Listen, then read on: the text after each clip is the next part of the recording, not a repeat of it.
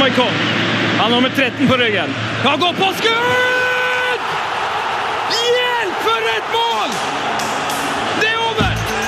Det er finito! Det er klart! Vi er ferdig! Heia fotball med Tete Lidbom og Sven Biskår Sunde. Heia fotball! Heia fotball! Tete-gutten! Heia, heia. Heia fotball. Å, er du nedpå i dag? Heia fotball, eh, Sven. Heia Har du, fotball. har du det bra? Og veldig. Jeg må bare få sagt god fredag til deg, Tete-gutten. Du, God fredag til deg òg.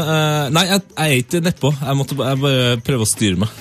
Ja, har du for mye, for mye energi?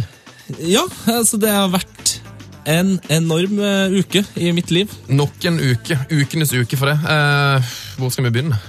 Jeg kan begynne med at eh, mitt favorittall, eh, det jeg alltid strevde etter å få lov til å ha på banen, det var nummer sju. Det her er uke sju. Er det uke sju? Ja, Fantastisk. Så det er jo det jeg ja, ok. Så det har vært en lykkeuke for deg, da? Det har vært en lykkeuke, og det har det virkelig vært òg. Ehm, jeg vet, Du har fått nye fotballsko, det har vi jo snakka om. Riktig. Men du har, nå har du jo For det er liksom det vi snakket om forrige uke, at du hadde en sånn drømmeuke hvor liksom alt, nå gikk alt din vei. Ja. Du hadde liksom lansert plat og spilt konsert, og det var ikke måte på. Ja. Men denne uka her så har du jo fått payoffen, for nå har, jo på en måte, nå har du hatt premiere på radioshowet ditt. Riktig. Uh, og i dag har du gitt ut plate! I dag har jeg gitt ut plate. Så, og i går var du på innspilling til noe. TV-program. Ja, vi, vi skal altså inn på gullrekka som gjester eh, i april. Det var Er det i april det skal gå? Jeg tror det. Utrolig gøy. Ja, det var gøy. Det var Nei, gøy. så, nei denne uka her, ble- det, det er mye, vet du. Så eh, Men hva er det største som har skjedd for gutten? da? Er det, var det NRK1-debuten, eller var det utgivelse av skive, eller hva? NRK1-debuten? Ja ja, Gullrekkedebuten, da. Nei, eh, nei, det største som har skjedd med denne uka her, det er vel antall eh, ganger jeg har klemt Solveig Kloppen. Ok. Altså, for det gikk opp 100 Ja. Fire-fem ganger vet du, på en dag. Veldig hyggelig dame. Veldig, veldig bra dame. Um, for min del så tror jeg kanskje det som Det var noe som gjorde inntrykk på meg nå i stad. Satt og leste en, eh, en utrolig fin tekst eh, som vi har delt på Facebooken vår, P3 her Fotball. Uh, og det er en, um, en, en som er med i Kjernen, som har skrevet en tekst om sin far som har gått bort. Ja. Og da har han skrevet en lang tekst om hvordan liksom, livet har vært etter at faren døde. Og han, sånn, han gjorde en sånn fin ting rett etter at faren døde. Han gikk på Rosenborg-kamp, så kjøpte han to billetter, og så gikk han på kamp med sin far. Å, fy fader. Nå ble jeg ja, du skjønner. Så gå inn og les den eh, teksten. Den er veldig fin. Den har vi delt fra vår Facebook. til med Petra er P3 her fotball. Skal vi sette i gang showet? Du, det her gleder jeg meg til. Oh yes. Oh, yes! yes! Oh, yes! Heia fotball! Ukas gjest, eh, Tetefar. Jepp. Hør på dette her.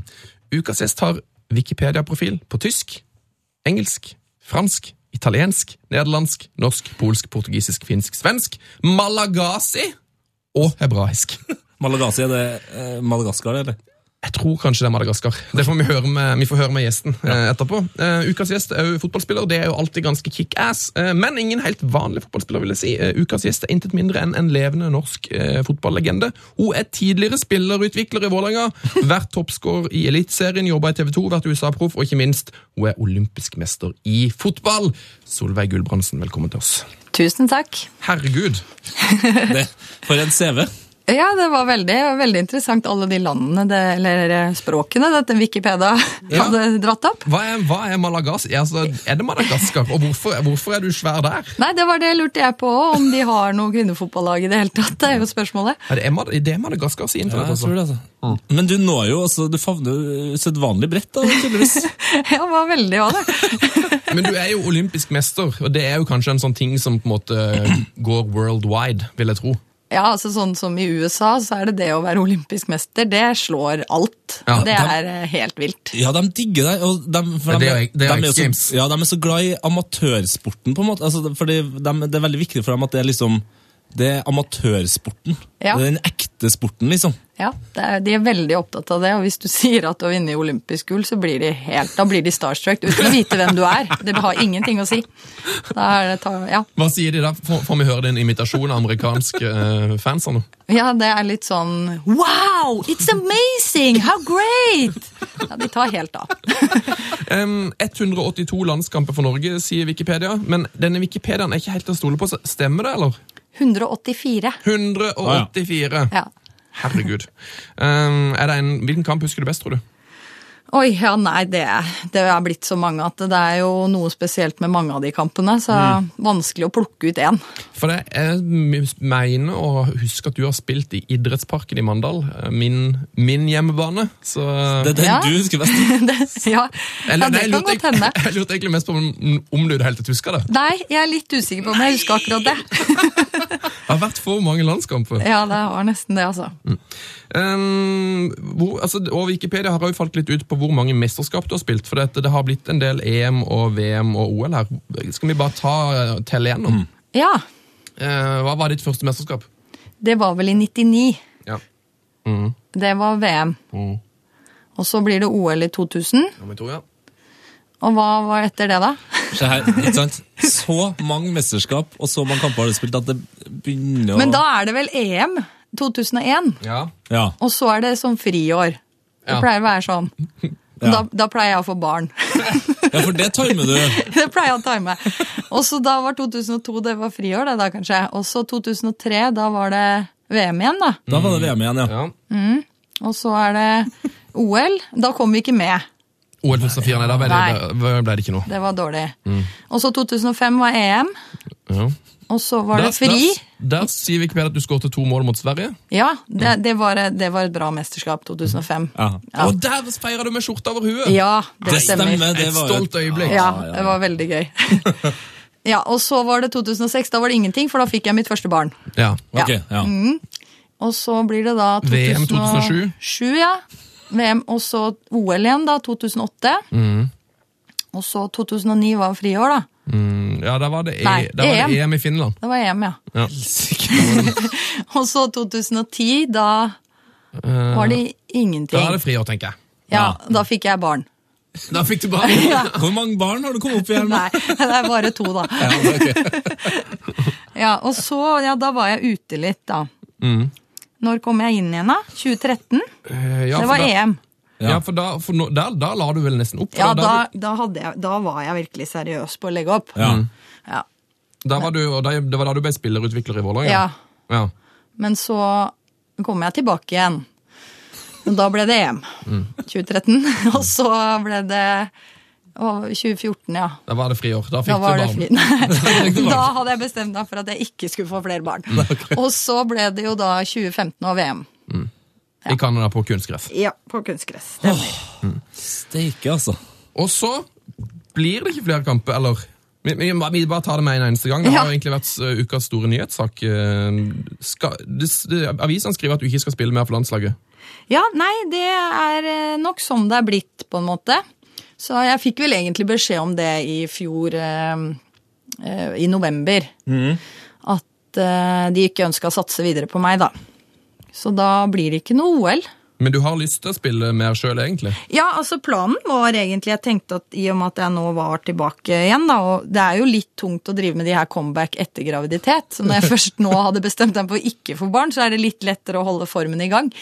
Så da tenkte jeg at når jeg først var i gang, så tenkte jeg det var så kort tid til denne OL-kvaliken som kommer nå i månedsskiftet februar-mars. Ja.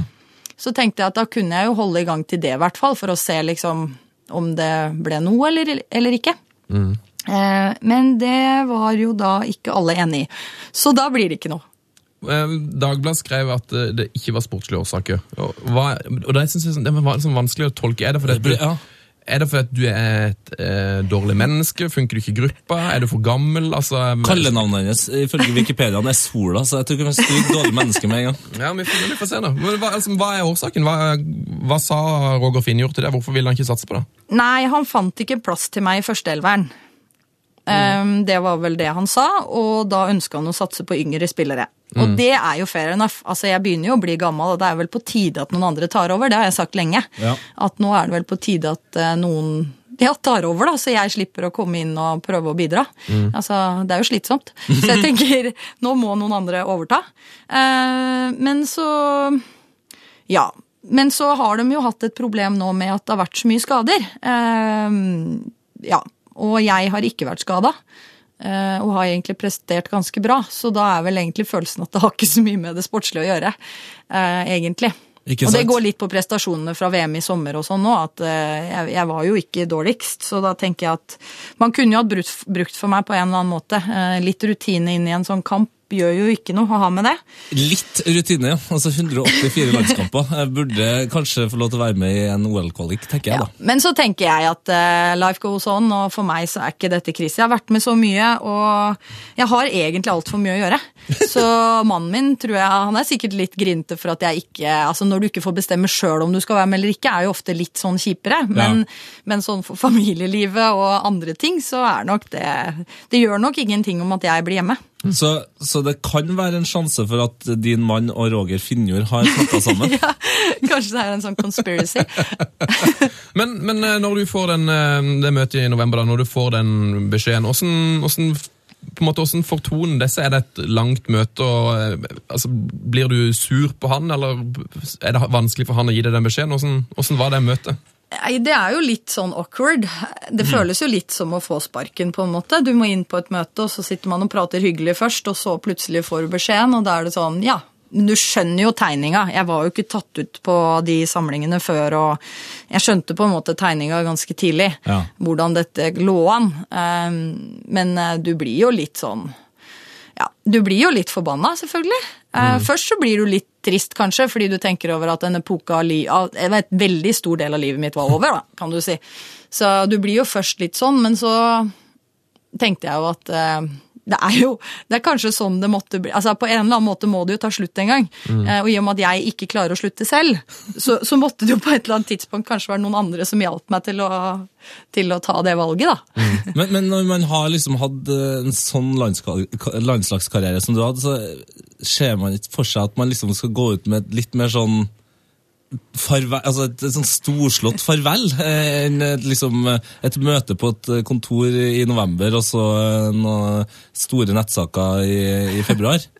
Ja, og så blir det litt sånn, Du blir stående igjen som en sånn der, litt sånn sutrer 'jeg blir ikke tatt ut med rabuhu'. altså Det blir liksom litt sånn Ja, er, jeg er litt enig i det. Jeg hadde sett for meg kanskje en litt sånn Derfor burde man jo egentlig legge opp i et mesterskap når det går bra. da, Så jeg skulle jo Ja. kanskje ha skjønt det, f.eks. i 2013. At jeg burde bare gitt meg der hvor vi kom til finalen. Men, men da bomma jeg på de der straffene, eller straffegreiene. Ja, så, du ha, Så da ble det det. litt sånn der, Det ble jo litt kjipt eh, slutt, det òg. Så det var liksom kanskje ikke Man går ikke ut med flagget heva der heller. Så det er ikke så lett å finne akkurat den riktige slutten.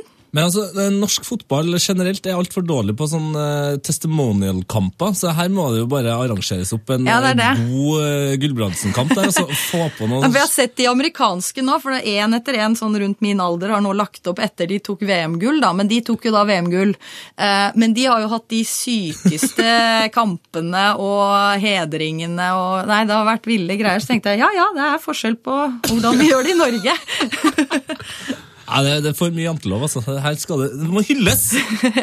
Men, men eh, hvilken følelse er det du liksom kjenner mest på nå? Er det, er det bitterhet eller sinne eller liksom lettahet over at det er over, eller? Nei, jeg er egentlig veldig avslappa på det, egentlig. Eh, egentlig så har jeg vært sånn Hvorfor jeg ofte har gjort comeback, har egentlig vært litt sånn situasjonen av at Norge har vært i kjipe situasjoner med mye skader og sånn. mm. og at jeg har tenkt at nå kan jeg faktisk bidra. Eh, hadde Norge nå stått med en full tropp, og, og jeg tenkt at dette her er skikkelig bra, og nå har de full go, liksom. Mm. Så det er jo mest derfor jeg egentlig syns det er litt kjipt, fordi situasjonen er i Norge at vi har veldig få på toppen. da, Det blir så sårbart, liksom. Mm. Men for meg så er jeg egentlig veldig avslappa. Jeg håper egentlig bare Norge klarer det her OL. Det er utrolig viktig for norsk kvinnefotball å være med i mesterskap, fordi det er liksom det eneste som gir oss en del blest. Det er landslaget vårt, da. Ja. Eh, Og det er kjempeviktig for oss å være med i mesterskap, og da OL, som gir også veldig mye hjemme i Norge, så ja, det er, eh, det er bare egentlig det jeg er mest bekymra over, er at vi liksom har havna i en sånn kvalik, da. Så hvis Norge ikke kommer til OL, så går Solveig Gulbrandsen ut i avisene og bare Det var det jeg sa! Ja. Du hadde en bedre spiller hjemme! Og da bare kommer jeg bakfra der, og så legger jeg all skylda på det. Ja, det Nei, altså. Hadde ikke planer om det. Men hvis de nå ringer og det blir flere skader, de vil si sånn fanken eller vi må ha inn Solveig, og du takker ja til å være med videre, eller? Ja, vet du Det har jeg tenkt mye på. Eh, kanskje for eh, for noen uker siden eller en måneds tid siden, så kunne jeg kanskje vurdert det, men eh, sånn som det er nå, så nei. Det, det, gjør jeg nok ikke. Det er på en måte, Nå har de satt et lag og jobba sammen over tid med den gjengen her nå, og Roger har tydelig sagt klart ifra på hvem han ønsker å ha med seg, og da føler jeg det blir helt feil å komme inn nå. Så uansett så tror jeg den, den gruppa som er der nå, de, de, klarer det her sammen. Og som jeg har sagt før, at Norge har aldri vært sånn superenkeltspillere. De har vært laget som har vært veldig bra, og samholdet. Mm. Eh, og det er jo det som har gjort at vi har kommet langt. Det er liksom ikke det er ikke liksom eh, Messi og den gjengen. altså Vi har liksom aldri hatt sånne typer spillere. Vi har litt mer av det nå, faktisk, men, eh, men, eh, men det er liksom aldri det som har gjort kommet Ja, ikke sant? ja. Men Roger Finjo, da, som er vår nye landslagstrener, det er jo ingen som, eller jeg kjenner han iallfall ikke så godt som trener. Han har vært med sånn, han ble jo litt sånn mye kjent som når han var assistent. og En veldig sånn morsom fyr som snakka veldig mye. Men åssen er han som trener, som hovedtrener? Ja, nå har jo ikke jeg hatt han som hovedtrener aleine, da. Så det vet jeg jo ikke akkurat nå. Men åssen okay, er han som trener for dere som liksom har sett han på felt? og sånn? Hva er det som er hans styrke som trener? Nei, Han er en veldig ålreit fyr. da. Han er en veldig hyggelig og positiv eh, trener og får ofte folk med seg eh, på lag. Eh, og det er en veldig viktig egenskap. Så så det, det, tror jeg Jeg tror det er veldig bra, han får en veldig bra go i gruppa. Mm. Snak, snakker han så mye som det virker som? er han så snakkesærlig? Ja, altså, han er det. Han er det. Men det er jo utrolig morsomt eh, mye av det òg, da. Selvfølgelig. Mm. Så det er jo Det skaper jo det er jo en del av jentene som kanskje er litt stressa sånn når de kommer inn, og det skaper jo en sånn litt sånn god atmosfære at det er litt sånn tull og tøys innimellom òg. At uh, på en måte man får senka skuldrene litt da. Det blir ikke for uh, høytidelig? Nei. Nei. Du er 184 landskamper. Eh, sikkert vært mange opp- og nedturer. Liksom, hvilken, eh, si, hvilken sånn krangel husker du best? Når, når var det det smalt mest? Husker du noe sånt? I kamp? Nei, jeg tenker egentlig mest sånn innad i lag. Innad trening i eller ha, altså, ja. Har kvinnefotballen hatt eh, slagene i Drammen, liksom? Kanskje ikke helt eh, på den måten. Nei, men i 2005 da var det ganske bra trøkk for det. Ja, det er vel kanskje en av de årene jeg tenker at vi hadde utrolig sånn bra tropp da, og konkurranse på alle plasser. Og det var liksom sånn, Du måtte virkelig vise deg fram på trening for å ha sjanse til å få spille. da. Mm. Jeg husker Trine Rønning på, i pre-campen. Hun sa at hun, hun jobba så hardt i den pre-campen eh, at hun var nesten utslitt når, når eh, mesterskapet begynte, og da fikk hun spille. Ja, ja. Så hun var litt sånn eh, Ja det, det, var litt sånn spesielt. Men da smalt det en del taklinger, og det var, det var høy temperatur på trening. Men vi har vel aldri hatt noe sånn at noen har slått hverandre ned. Ikke som jeg har fått med meg. det har vært god stemning. Ja. ja relativt god stemning. Altså, Trine Rønning har spilt faktisk med lillebroren eh, hennes, og har alltid, alltid, vært litt sånn redd for henne. Hun virker så sinnssykt eh, bare hard og streng. Ja, men hun er eh, Hun vil kanskje ikke at man skal si det, men hun er veldig myk på innsiden. men eh, hun er eh, hun kan På en fotballbane, ja, så skjønner jeg altså, Det er utrolig mye følelser og mye banning og mye kjefting og smelling. Men hun er den første til å ha et glimt i øyet, og hun er vel den som har best kontakt med dommeren òg, for å si det sånn. Så, ja, så hun er Hun ser nok mye mer Så tror jeg kanskje hun for det har jeg lurt på, da, for hun er jo veldig liten. Mm. Hun, ja, men, men hun, hun, vet ikke det selv. Okay, nei. nei. Så hun er veldig sånn at hun tror hun er like høy som Abby Wambach, som er kanskje en av de største angrepsspillerne. Og når hun da stopper, så tenker hun at det er jo ikke noe problem, for vi er jo like høye. ikke sant? Og det tror jeg er en av greiene hennes. det er at Når hun er på fotballbanen, så har hun så mye selvtillit da, og liksom, ser seg sjøl som veldig stor og sterk. Og derfor kanskje litt den attituden, da. Ja. Så man blir litt redd. Men eh, Nei, men hun er egentlig veldig snill. ja, det er Godt å høre. Jeg har vært redd for deg i mange år. Ja. Eh, vi får inn eh, masse lytterspørsmål eh, til alle gjestene våre på vår Facebook. Og Truls Andersen han spør deg om hva som er din beste medspiller og din beste motspiller. Ja, beste medspiller, det er vanskelig å trekke fram etter alle de åra her, altså. Mm. Det er men sånn som de som kanskje har fulgt meg mest, altså sånn på, som er litt samme alderskull som meg, er jo Trine Rønning og Ingvild Stensland. Mm, ja. Vi har nå fulgt hverandre i tykt og tynt eh, over lengre tid, både i Kolbotn også, men også en liten eh, tur innom Stabekk sammen med Trine Rønning. Så, og på landslaget, ikke minst. Så vi, eh, Det er vel kanskje noen av de som jeg ja, har nærmest i forhold til det med medspillere. Eh, Men motspillere, altså da hva mener man med det? Beste motspiller? Er det den dårligste du møter, eller er det den verste? Nei, det blir nok den som er Jeg tror nok han er ute etter hvem som er den mest talentfulle, men det er jo egentlig nesten enda gøyere å høre om hvem som er den dårligste. du har møtt. som er den mest, storskrittet. ja, ikke sant? Nei, det er jo liksom vanskelig å si. Altså, etter en del år altså jeg, hadde, jeg var jo liksom et sånn typisk talent, da, så jeg kom litt sånn tidlig opp i toppserien. Og, og da var det fort sånn at jeg fikk frimerke. Ja. Ehm, og da, da er det ofte sånn at du får en del sånne spillere som kanskje ikke er de beste fotballspillerne. Men de mest irriterende å spille mot. de som aldri gir seg, og de som takler hardest. Og de som, ja. Og der har det vært en del, men det er nok litt sånn ukjente folk for folk flest, altså. Mye an som midtbaneankere med Ja. gode, gode markeringsspillere. Ja. God på benken og god til å markere. god til å markere. Men eh, den aller beste spilleren du har eh, spilt mot, da. Altså, det, det er jo noen eh, damespillere som har markert seg i de årene du har spilt fotball. Ja, det er jo mange bra spillere, men skal vi se, de jeg stort sett har hatt som motstandere, det er jo folk jeg har hatt på lag òg. Men, men si, når jeg var i USA, så møtte jeg jo en del spillere fra andre nasjoner som du ble bedre kjent med, og sånn som Martha, for eksempel. Ja. Hun spilte jeg jo på lag med i USA, og det Når hun, når hun gidder, som det heter, så er det er helt, eh, det er helt rått. Um, ikke minst fotballmessig, men også sånn rykket og farten og um, ja, balansen og kroppskontrollen, rett og slett. Ja, ja, fotballkunstverk. Ja, det er faktisk det. Det er litt som å sammenligne litt sånn som Messi på herresida, at det blir litt sånn da, på damesida når hun var, var på sitt beste. Hun har vel ikke hatt så mange gode år nå i det siste, men eh, på sitt beste. Så var det liksom mange, mange hakk over de andre. Ja. Ja. Eh, Nå er du i Kolbotn igjen. Ja. Eh, Og du har nettopp hatt eh, bursdag, 35, og ja. jeg lurer på hvor lenge har du tenkt, tenkt å spille på toppnivå? Nei, Jeg sier jo alltid bare ett år, så jeg har jo tenkt å legge opp etter det året her òg. Ja. Eh, men nå tror jeg faktisk jeg mener det. Ok. Ja. Tror, ja. ja. Ja. Tror det. Man må alltid holde en åpning, sånn at ikke, fordi folk tror meg jo ikke lenger. Så allikevel. Så. Men nå tenker jeg at nå er det vel på tide. Altså Nå er landslagskarrieren over, og det er en del ting som gjør at det kanskje er på tide å gi seg. Altså Toppserien er en bra bra arena, men nå har jeg vært på Jæren og spilt mot Klepp ca. 700 ganger, føler jeg. Så det er liksom Ja, det er jo det er jo litt sånn etter hvert kanskje man har gjort det nok. Nok, nok, nok kleppmatcher. Ja. Den ser jeg. Den ser Ja. jeg. Eh, Du, har en, eh, du har en sønn som sies å være et, et eksepsjonelt balltalent. Ja, det, jeg vet ikke om han har bygd opp det sjøl, for det er jeg litt sånn usikker på. Nei, altså, han er, han er ok.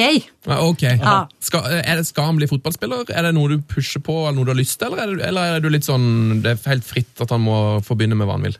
Nei, altså, Han må få begynne med hva han vil, men jeg synes det er veldig bra at han spiller fotball. For at eh, i Norge så er det å spille fotball en veldig sosial, bra greie, og mange gjør det. Så jeg tenker at det er en bra greie å gjøre det, i tillegg til at vi, jeg kan bidra litt på det. da. Hadde han begynt med noe annet, så er det ikke så lett å bidra. um, så jeg tenker det er fint. Eh, og så tenker jeg at hvis han vil bli god, så skal jeg være der og støtte den, men per nå så er han altfor bedagelig til at jeg tror at han, han blir så veldig god. Luksusspiller? Ja, han, eh, han er god på treninger når det er treninger, men utenom det så trener han altfor lite med ball til å bli god. Du, du høres ut som en eh, god mor å ha eh, hvis du skal bli god fotballspiller. For det, det her tingene sa aldri mamma til meg, i hvert fall. Nei, nei, han får jo vite hva som er fasiten. Han, jeg har sagt det. Hvis du skal bli god, så må du nok gå ut og trene mer. Hvor mye trente du siden du ble så forbaska god? Jeg tror jeg hadde en ball med meg hele tida. Så var det litt sånn, jeg var født og oppvokst eh, på sånn eneboligområde hvor det ikke var noen andre unger i nærheten, og jeg var enebarn. Eh, så det var meg og en, en nabo som hadde en hund, da, en schæfer. Så vi spilte litt fotball. Eh, hørtes det skikkelig ut som jeg var skikkelig Viggo. Jeg var kanskje det litt òg, men um, Hva er Viggo? Viggo, Viggo er venneløs. Ja, ja. Eh, og så, ja, så ja, det ble mye meg og ballen. Og så selvfølgelig faren min, da. Han var jo ganske ivrig. Eller jeg var veldig ivrig på at han skulle trene meg. Ja. Eh, for det syns jeg var gøy, da. For din far har jo spilt fotball på høyt nivå. Ja. Han spilte på Skeid og Vålerenga på glansdagene. og han mente vel også at han eh, ja, Han hadde vel én eller to landskamper, tror jeg han mente. Jeg er litt ja, usikker på det, ja. Men eh, ja. Du mener ikke Han var i hvert fall innom en samling, kanskje. Eh, Men eh, det Vålerenga-laget der, det var vel noen, en del kultspillere der òg? Ja, Jeg Det husker var det jo av dem? Nei, eh, han, han nevnte jo mange av de, og jeg har jo snakka med mange av de i ettertid, og det er jo Hengeren sitter jo fortsatt på Hengeren. Han sitter fortsatt oppe på, i Valhall der og prater jo litt med han innimellom. Og så har vi jo, jeg har jo hatt Fosseren som trener òg, Erik Ja, Foss. ja. Ja. Og det òg er jo Det er karakter. Det er karakter. Så det er jo mange av de. Var det sånn at du reiste rundt og hang på Vålerenga-felt og surra rundt med Vålerenga i hele oppveksten? da? Nei, pappa hadde vel eh, lagt opp den karrieren, så han var mer sånn spillende trener på lavere nivå når jeg var mindre. Og det gjorde jo at han fikk mer tid til å trene meg, da. Så han ble fort min trener sånn fra jeg var sånn sju-åtte år. Det er et godt utgangspunkt. Ja. Ja. Martin, det- Martin Ødegaard-skolen. Ja. Eller Solveig Gulbrandsen-skolen. som Ja, den skal- Den burde vel Sånn skal egentlig hete ja.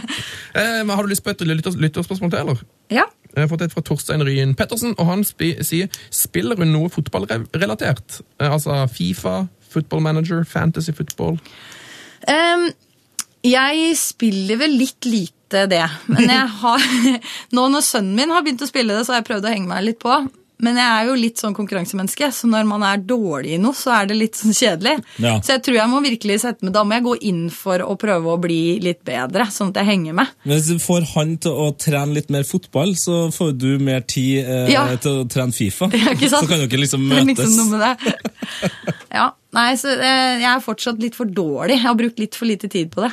Så det er ikke sånn med damelandslaget sånn som det var med herrene, at de spiller, at alle har med seg eh, Xbox eller PlayStation på rom og driver på og har turnering og sånn Nei, på landslagssamlinger. vi har ikke med Men vi hadde med en Vi nå, men vi hadde med Vi, vi, da. Ikke sant? Ja. Det er litt mer sånn gøy. Jeg trodde du eh, sa vin. Å ja, vi hadde med mye mer vin. vi. Med tre liter med vin. Nei, vi hadde med sånn Vi-spill, og da er det jo litt mer sånn eh, aktiviteter, det, da. Ja, sånn Ja. eh, Wii tennis og sånn, ja. Ja. Ja, ja. ja det er jo kjempegøy. men det er jo veldig gøy, da. Så Ja. det hadde vi på fellesrommet nå i VM. Mm. Og det var jo veldig morsomt, det, altså. Men det er jo det, er også litt fa... Altså, Jeg har spilt mye av det her, og det, det er lett å gå på en strekk eller noe sånt. Ja, det er faktisk det. Så det man skal være litt forsiktig med å gjøre for mye. Det er jo historier om det, da, om eh, noen av disse brasilianske spillerne som gikk på en smell med å spille for mye før i VM og sånt. Så jeg tror jo det, man skal være litt forsiktig. Ja, ja, Ronaldo gikk vel på en ordentlig smell før Ja. VM-finalen eh, der, ja. Nintendo James. Nintendo James, ja. Men, men er du, har du vært fotballinteressert, eller har du, har du liksom reist og sett fotball i utlandet sånn når du var kid, eller? Ja, jeg har vært litt sånn fotballidiot, rett og slett. Du har vært Så- nerd, ja. Ja, når jeg var mindre, så var jeg det. Men så slutta jeg nok litt eh, å, å være sånn helt nerd etter hvert. Men sånn når jeg var mindre, så hadde jeg alle de her eh, VM-bøkene med klistremerker og oh. Og det er jo ikke alle jenter som har det. Og Panini-bok. Det er jo oppvokst med det. Så, og familien min, vi, som jeg sa, er at eh, vi er jo litt interesserte. Så vi var, jeg har jo vært i VM i 1990 i Italia og i eh, 98 i Frankrike og 94 var det vel I USA. i USA. Hvilke, var, var, der, også, var, der liksom, var der i Italia på ferie, eller var der på masse kamp? Og, Ja, vi var begge deler, liksom. Vi, var det, det var ferie, og så reiste man til noen kamper, da. Oh, hvilke kamper Så har du vært på? jeg var vel på en Var det Argentina, Italia, da? I, I 90? I 90. Dette er jo så lenge siden, jeg husker jo ikke lenger. Men, eh, og så var vi jo på i, eh, i USA, så var vi på noen av de norske kampene, og det var kjempegøy. Når Norge slo Mexico. Da, da var du der? Ja, Dæven! og det var utrolig kult, for vi nordmenn er jo egentlig ganske sånn rolig ellers, men når vi er samlet i utlandet og vinner en fotballkamp, da, Da tar det av. da tar det av. Da har vi ingen Da synger vi, og da er det liksom Da tar det helt av. Ansiktsmaling og Ja, ja. tre liter vin. Og. du, Den kampen uh, hørte jeg nettopp at er den, det er det TV-programmet som flest har sett i Norge. Oi. Norge-Mexico. Oi! Ja. Det var helt sånn, for det var sånn første gang Norge var i VM. Ja, ja. Kjempe, kjempelenge. Og så var det jo NRK, da. Så bare. Ja, Men var det ikke også da, da det var så ufattelig varmt? Jo. For det spillere, Jeg husker ikke hvem vi snakka om, det var Thorsvedt eller noe sånt som sa at, uh, Altså, Det var så varmt på benken. Det var helt... Altså, det var, Ja, Ola By Riise. ja, ja. Han sa det var helt konge. Han hadde sittet på benken i den kampen, og det var det eneste stedet på hele stadionet hvor det, hvor det var aircondition. og det var jo over 40 grader eller sånt på, Ja, og så tror jeg liksom folk eh, På den tida så tror jeg folk ikke tenkte over det med den luftfuktigheten. Altså, Ja. Det er varmt, da, men det er noe med å, å, å spille luftfuktighet. Altså, det går ikke an å sette seg inn i det. Altså, jeg, det, er, det er noe av det verste jeg veit. Altså, så på østsida av USA om sommeren, det er, altså, det er som å være i en badstue, liksom. Og prøve å drive aktivitet. Og så synes jeg det er veldig morsomt den tilnærmingen vi hadde, da, Norge. Det var jo at de trente jo i plastsekker. Ja, stemmer det! Det var jo altså, Ja, for å i hvert fall bli dehydrert, liksom. Ikke nok med at du ikke fikk nok inn, så da tok Altså, du plastsekker på oss. Det er veldig viktig å gå ned i vekt før du skal spille. Ja. spille. Ja, Det meste du mister, er jo væske, og det er jo Ja. det du trenger mest av. Så det var jo helt Det er ikke rart den ble utslitt etter hvert. Det er som det du sa med Trine Rønning i stad, at man, man trente for hardt inn mot Ja, det var akkurat det. Og helt tømt for krefter når man kommer fram. Men når du spilte VM i Canada, og det var på kunstgress, eh, blir ikke det òg sånn ubehagelig varmt når det med det underlaget? Jo, det blir det faktisk, for det blir ekstra varma opp, og spesielt med den gummien. Den den gjør jo at det gummien, blir jo veldig varmt. Eh, og det var litt sånn, etter kamp så tenker du at oi, føttene mine brenner opp litt nå. Så jeg tar av meg skoene, og når du da har tatt av deg skoene, så klarer du faktisk ikke Du gikk ikke an å gå barbeint. Det var så varmt at det gikk ikke an å gå barbeint på gresset. Nei! Jo, så det, og det sier jo litt da, om hvor, hvor varmt det er på det gresset. Så det anbefales jo ikke i varme strøk på en måte å ha mesterskap på kunstgress. Og i hvert fall da når de fra Canada ikke tenkte på at vi kan jo vanne. Ja. Det hadde de jo ikke planlagt, så det ble jo ikke så veldig Det kom jo Etter at vi klagde litt, så kom det jo noen med Da henta de inn sånne brannslanger. så De hadde to brannslanger hvor de sto bare og spyla utover. Og dynka vann? Ja, eh, Og flekkvis, da, kan ja. du si. Så plutselig så var det sånn 40 grader og eh, store vanndammer. Ja, Så det var jo Det hadde de ikke tenkt på. Hva gjorde dere for å prøve å få stoppa det der? For det, altså, jeg, jeg nesten fikk helt sjokk da jeg fikk høre at VM skulle gå på kunstgress. Jeg synes det hørtes ut som en, en veldig rar avgjørelse. Altså, Jeg gjorde ikke så mye, jeg, altså, for at jeg tenkte at dette er kjørt uansett. Når Ja. de først har bestemt seg for noe, så er det bestemt. Men jeg vet at eh, mange av de største profilene, altså spesielt i USA og sånn, de gjorde en skikkelig innsats for å prøve å få gjort noe med det. Eh, og jeg tror vel at eh, Jeg tipper jo at tilbakemeldingene i ettertid er vel såpass klare at jeg tror kanskje ikke man gjør det igjen. Mm. Hvem er den største fotballnerden på landslaget? da? Er det, er det det, eller? Um, Er det noen nei. som har reist, reist rundt like mye som det? Ja, nei, Det veit jeg ikke, men sånn som Caroline Graham Hansen, for eksempel, hun tror jeg er sånn Fifa Ja, Fifa-nivå. Ja, og da kan du alle spillere og navn og nummer og Da kan du liksom det. Der sliter jeg litt, da. Jeg er litt sånn dårlig på navn. Er det liksom, men er det litt sånn del av den nye generasjonen, Ja. kanskje?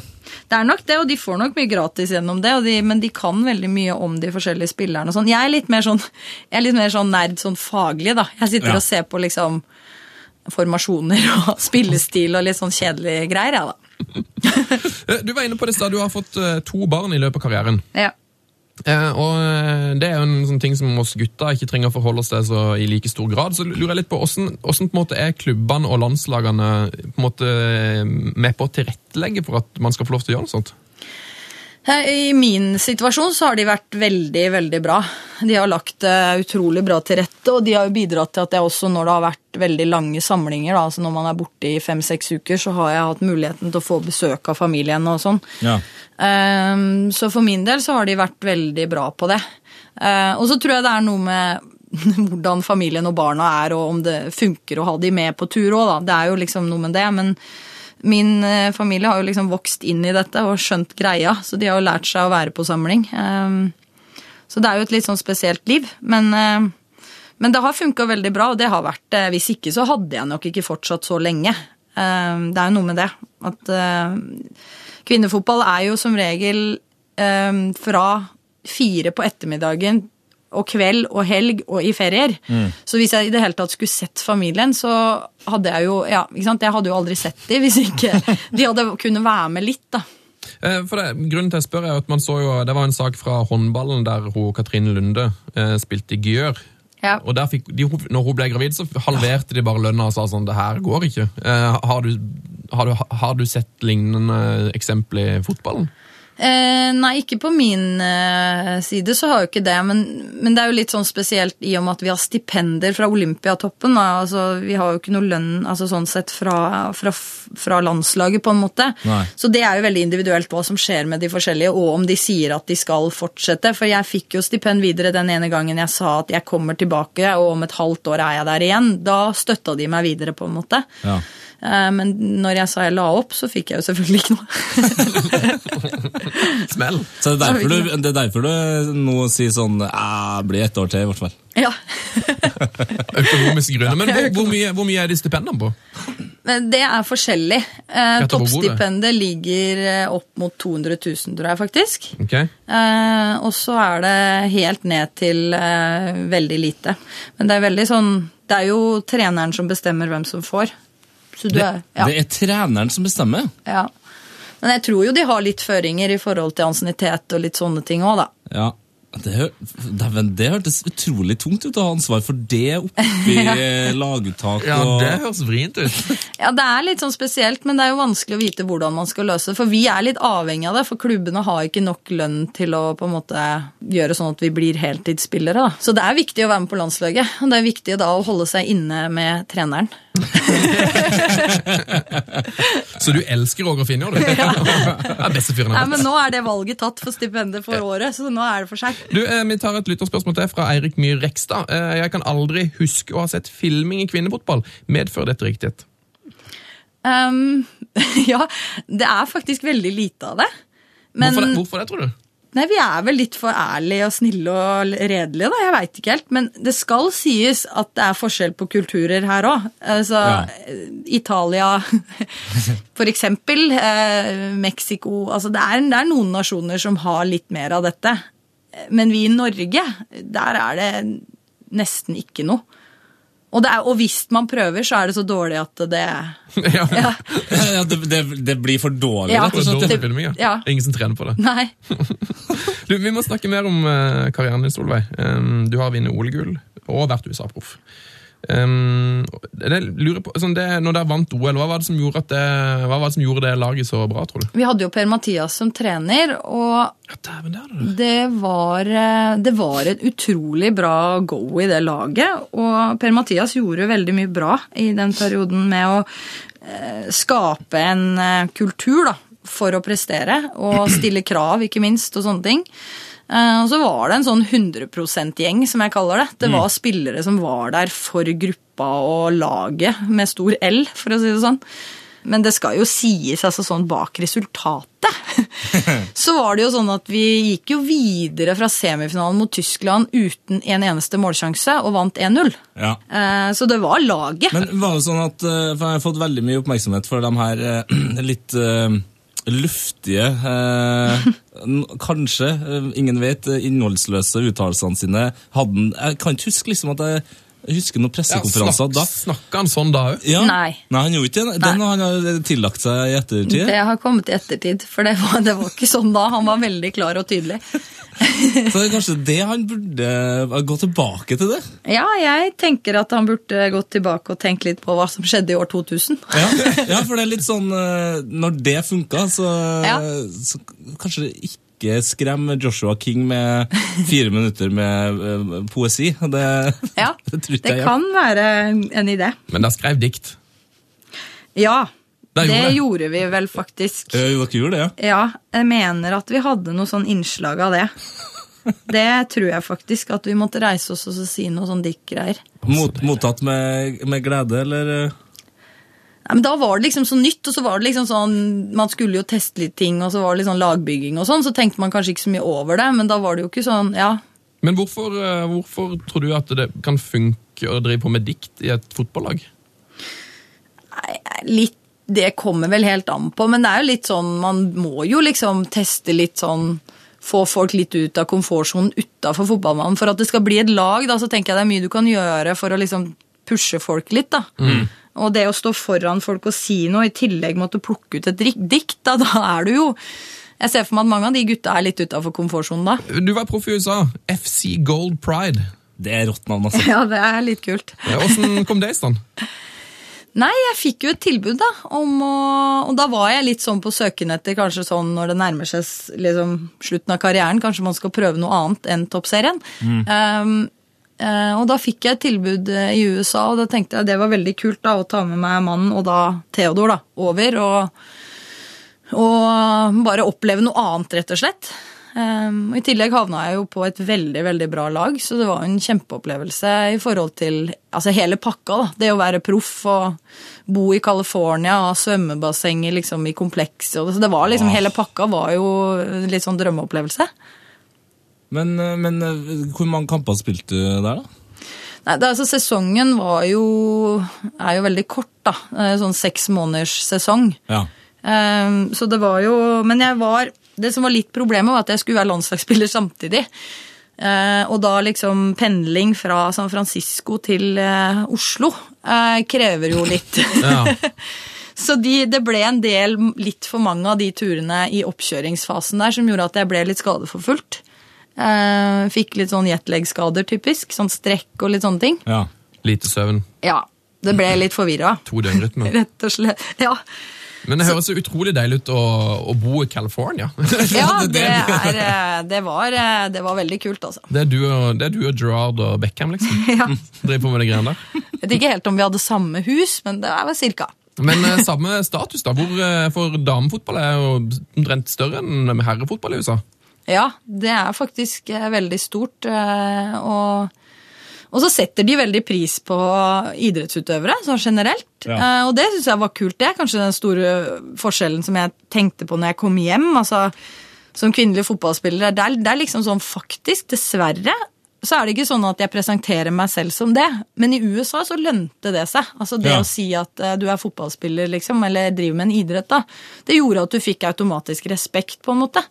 Og det er det jo, sånn er det jo ikke i Norge. Ehm, der er det vel heller bedre å si du har gått BI enn at du spiller kvinnefotball, liksom. Så, Det er nok en fordel. ja, så jeg tenker, sånn sett så var det veldig kult da, å få oppleve at man faktisk ble veldig respektert og på grunn av den idretten man driver. da. Um, Åssen er fotballen der, da? Er det liksom, Har de samme måten å spille på, eller er de mer inspirert av de amerikanske idrettene med liksom at de bygger mer lag og innsats og, Ja. og de tingene her? Eh, det kommer nok litt an på treneren. da. Vi, vi hadde en trener som var litt sånn søramerikansk inspirert. Så det var veldig overgang for meg, for vi var veldig opptatt av å ha possession. Ja. Eh, og i Norge er vi jo ikke så opptatt av det. Vi er mer opptatt av kontringer, kanskje. Mm. så jeg litt sånn gikk på løp og sånn. Eh, det, vi hadde faktisk, det var veldig gøy, vi hadde faktisk en analyse etter en kamp hvor han var kjempefornøyd, for vi hadde hatt 90% possession. eh, og da tenkte jeg litt sånn, ok, det andre laget, de var ikke der, eller? eh, og da, eh, jeg hadde like mye ballinvolveringer som keeperen. Eh, så det var jo ikke så mye. Og da tenkte jeg at hvis du skal prøve å spille på det laget her, så kan det hende at du må slutte å gå på så mye løp, og heller løpe mot ballen, da. Altså, du løp rett og slett fra eh, Ja, sjansen jeg- til å ja. få ballen? Jeg gikk på sånne dype løp og litt sånn der som man er vant til i Norge, da. Og da, og da skapte jeg jo veldig mye rom for de andre. Det var jo veldig bra. Men jeg fikk jo ikke noe særlig score hos han treneren på det. Så, nei. Du ble liksom eh, Øyvind Leonardsen der? Ja, jeg ble eh, veldig Leonardsen i USA, tror jeg. Så jeg måtte forandre litt på det, da. Måtte, Altså, måtte ha ballen i beina mer. Ja, Måtte endre spillestil, rett og slett. Ja, jeg måtte tenke litt mer på å ikke skape bevegelse. Heller møte. Og kreve ball. Eh, eh, vi har fått et eh, lyttespørsmål til her fra Daniel Stene. og Han lurer på den beste stadion du har spilt på. og Da tenker han altså både på stemning og fasiliteter. Å ja. Oh. Det, vet du hva, det, det siste som kommer opp, da, det var jo den EM-finalen. Idrettspark, idrettsparken i Mandal. Ja, ikke sant? Det var den første som kom opp. Den siste kampen jeg spilte hvor det var utrolig bra stemning og en litt sånn kul arena, var jo finalen eh, i Sverige. Og det var jo den innendørs Hva heter den, da? Tele, heter den Tele2, den nå, eller? Friends. Arena, ja. Friends Arena, ja. Ja, steike, Det er jo en kjempestadion. Ja, så det var, det var en veldig kul opplevelse. I tillegg til at det var veldig mye nordmenn, og alle svenskene faktisk hadde begynt å heie på oss. Så det var, vi fikk, det var en veldig bra atmosfære inni der og sånn. Så det var en veldig kul arena. Ellers har jeg spilt på mange sånne andre arenaer, men det er en del av de arenaene som har litt sånn dårlige toalettfasiliteter. som, sånn som i Kina og sånn, hvor det er bare hull i gulvet. Det er litt Nei, sånn, de ja. kjører den stilen. Ja, det er mye greier. Ja, Nydelig. Eh, vi går til en eh, fast spalte. Heia fotball! Oh, yes. Oh, yes. Mm, vi skal til ukens drømmelag. Eh, og det, det er jo egentlig din spalte, denne, Solveig. Ja, Ja. det er jo Vi pleier å utfordre gjesten til å ta med et drømmelag. Jeg vet du har med et lag. Jeg vet ikke helt hva som er, vet hva som er tema. Hva er det du har gått for? Jeg har gått for de spillerne som liksom jeg syns var litt kule da når jeg var litt yngre. Ok. Eh, så jeg har gått litt sånn tilbake i tid. Når du var liksom eh, fotballnerden Ja, da jeg jeg var Panini-boksamler. Ja. Deilig. Ehm, så jeg velger å starte på topp, da. Og du går, det er nydelig. Ja. Men hvilken formasjon uh, går du for? Jeg ser nå at jeg egentlig har tatt med litt mange. Da setter vi opp formasjonen til slutt. ja. ja. Alle det- skal med. Men på den ene, det er jo Roberto Baggio. Å, fy fader! Han har Ja. bursdag i år! Han Hadde hadde bursdag i går. Nei, og han var jo da Italia 90, det var jo liksom uh, mye greier der. Og han hadde rottehale, og det hadde jeg òg. Nei, hadde du det? Jeg hadde pigg og rottehale. Det hadde jeg jo. Ja. Så det, da måtte jeg jo ta med han. Heldigvis så hadde jeg ikke rottehale altfor mange år. Så, men, eh, men det, Jeg tror han var kul si det. spiller. Alle som har hatt, jeg, nå kan jeg si meg at jeg har hatt rottehale sjøl, så vil jeg si alle som har hatt rottehale, har hatt det for, i for mange år. Ja, mest sannsynlig. Ja. ja, ja. Men og veldig mange tror jeg hadde bare av Roberto Baggio. Altså, jeg har jo afro, eh, og til og med jeg prøvde jo, prøvde jo på å få den her eh, Ja, det var jo katastrofe. Ja, men jeg, jeg, tror, jeg er litt sånn stolt av det, da, at jeg hadde piggsveis og rottehale. For det er ikke så mange jenter nå Nei, som det er helt hatt det. fantastisk. Nei da. Nei. Nei da. Det er sant. Ja, Så det var Roberto Baggio. Og så har jeg valgt Henry.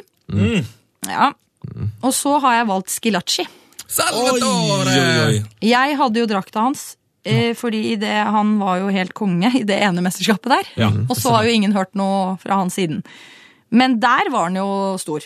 Og du, du har jo sett de her spillene live, det var helt Ja, fantastisk. ja. Oh, Den drakta er så fin òg. Den Italia Ja, 90-drakta. den er nydelig, altså. En av de vakreste fotballdraktene som fins, tror jeg. Ja. Og så har jeg plukka ut eh, Ruud Gullit. Åh, Rud. Og det er er jo- Ja, og det er litt sånn derre Fordi når vi var da i, i eh, Italia, så skulle vi se kamp i Napoli. Og da var det noen som var umulig å finne parkeringsplasser og sånn. Og så var det en som Ja, jeg, hvis dere betaler meg, passer jeg på bilen din og sånn. Altså, da hadde vi jo ikke så mye valg. Da så tenkte vi ja, ja, vi får stole på han her. Og når vi kom tilbake, så var bilen stjålet, da, selvfølgelig. Nei! Jo, jo, da var den borte. Og vet du hva som lå igjen? På plassen der, der bilen hadde stått, der lå det igjen det bildet jeg hadde kjøpt av Ruud Gullit. For han spilte jo i Milano. Ja, ja, ja. Så, Så de ha. hata jo i Napoli. Det var jo det verste. Så de hadde faktisk stjålet bilen, men rukket jo lagt ut det bildet da, av Ruud For det skulle de ikke ha med seg. Det er altså noe av det mest profesjonelle bilturet jeg noensinne har hørt. Så det var veldig kult. Herregud, tenk, tenk at hvis dere ikke hadde hatt det gullet uh, Hvis dere hadde hatt et øh, Maradona-bilde inni der, da. Så Ja. kanskje, kanskje de hadde latt bilen Kanskje de hadde latt den stå igjen. Ja. Det var det de sikkert tenkte. De her fortjener ikke å ha noen bil. Fysj og fysj. Fader, altså. Det er en nydelig historie. Du, Nå har vi hatt øh, to gjester i Heia Fotball som har øh, vært i Napoli, og begge to har fått bilen sin øh, stjålet. Stemmer. Steinar eh, Steinar Nilsen fikk stjålet sin flunk nye BMW. Ja. Hjemmefra, tror jeg. Ja, så til alle Ja, lyttere ut så der, det- ikke ta med bilen til Napoli. Nei. Strålende. Ja, da er vi kommet til Zinedine Zidane. Ja. Det er bare, så det, Han må være med på alle mine lag uansett, for det er bare ja, min store spiller opp gjennom åra. Og det er bare sånn måten han behandler en ball og tar imot en ball på, er bare helt eh, fantastisk. Så han er med. Og han så du live i VM 98, eller? Ja. Så det, Det er, er greit. Det er helt greit. det er helt greit. Eh, og så har vi, må jeg alltid i alle lag ha liksom sånn hjernen i laget. Så nå har jeg tatt ut Deschamps. Fordi man må alltid ha en litt sånn, sånn eh, smart spiller som liksom ikke kanskje skinner så mye og sånn, men du må alltid ha en ja, en litt sånn, men som alltid gjør de riktige tinga. En veldig undervurdert spiller, eller? Ja, Jeg føler det. Jeg føler det. Jeg har, han hatt, jeg har, sånn. jeg har hatt- lagd en toppliste med liksom sånne grå folk. Ja. Og da hadde han på nummer én, for han har sånn vanvittig merittliste. Han har liksom vinner, han vinner alt. Ja. Og han har spilt eh, ikke så mange landskap som det, da, Solveig, men han har spilt over 100 for Frankrike Ja. og vært kaptein på alt. ja, Så husker du liksom ikke at han har spilt, for du husker jo alle de andre bare. Nei, du husker jo ikke at han, Man husker jo ikke et mål eller en målgivende. Han lå jo bare der og styra. Og så er vi kommet til bakre firer, Ja. og da har vi Maldini. Det må jo Det bare er sånn det er. Fordi når du har vært i Italia, så i et VM, så er han med. og da har vi på den andre bekken så har vi Roberto Carlos. Og det er mer sånn fordi at han var vel en av de første på min tid som plutselig var litt sånn offensiv bekk. Ja. Som plutselig skårte mål og sånn. Det, det var liksom litt sånn åpenbaring. Å ja, jøss, kan forsvarsspillere også være med fremover? Så det var litt sånn kul greie. Det stemmer, det. Så har vi sjefen bakerst, og det er Baresi. Åh, altså, jeg er jo Milan-supporter, så jeg, jeg syns jo det laget ditt er fantastisk. Ja. Og så har jeg en sånn på, på vegne av Trine Rønning, egentlig. Ja, det er liksom Canavaro. For det er den kuleste stopperen. Og han altså han er bitte liten, og han tror ikke han er det. Nei, ja, han har nok det samme kompleksene som greia. Rønning. Ja. Ja. Og så er det keeperen, da. Der måtte jeg tenke meg litt om, for det, på den tida der så var det utrolig mange kule keepere, og ikke minst gærne. De var mye råere før i tida, Ja, keeperne. de De, var er så sånn- kjedelige, de som er gode nå. Ja, nå husker jeg Grobbelar Altså, det var så mye rare altså, Det var veldig mye greier. Ja. Levikan og Smeichel og Guita og Campos. Campos, Det mye. Men jeg har valgt Schmeichel. Fordi det er liksom en bauta, spør du meg. Det er keeper, det. Ja, det er keeper, ja. Han ja. Han kasta til midtbanen Ja. og Nei, det var helt Han var sjef. Deilig. Nei, så det, da tror jeg faktisk jeg klarte å få 11 ut av det her. Det var. Det var et helt nydelig lag. Det burde, det burde males og Ja. henges opp på Så. Italia har vært viktig for deg? Ja, altså sånn da, i den perioden der på 90-tallet der, så var det det, altså. Hvor gammel var du når du var i VM 90? da? Ja, da må vi regne, da. Ni. Du var ni år. Bra. Du, det var strålende. Vi går eh, videre til litt eh, quiz. Er du klar for det? Ja, quiz er vi klar for.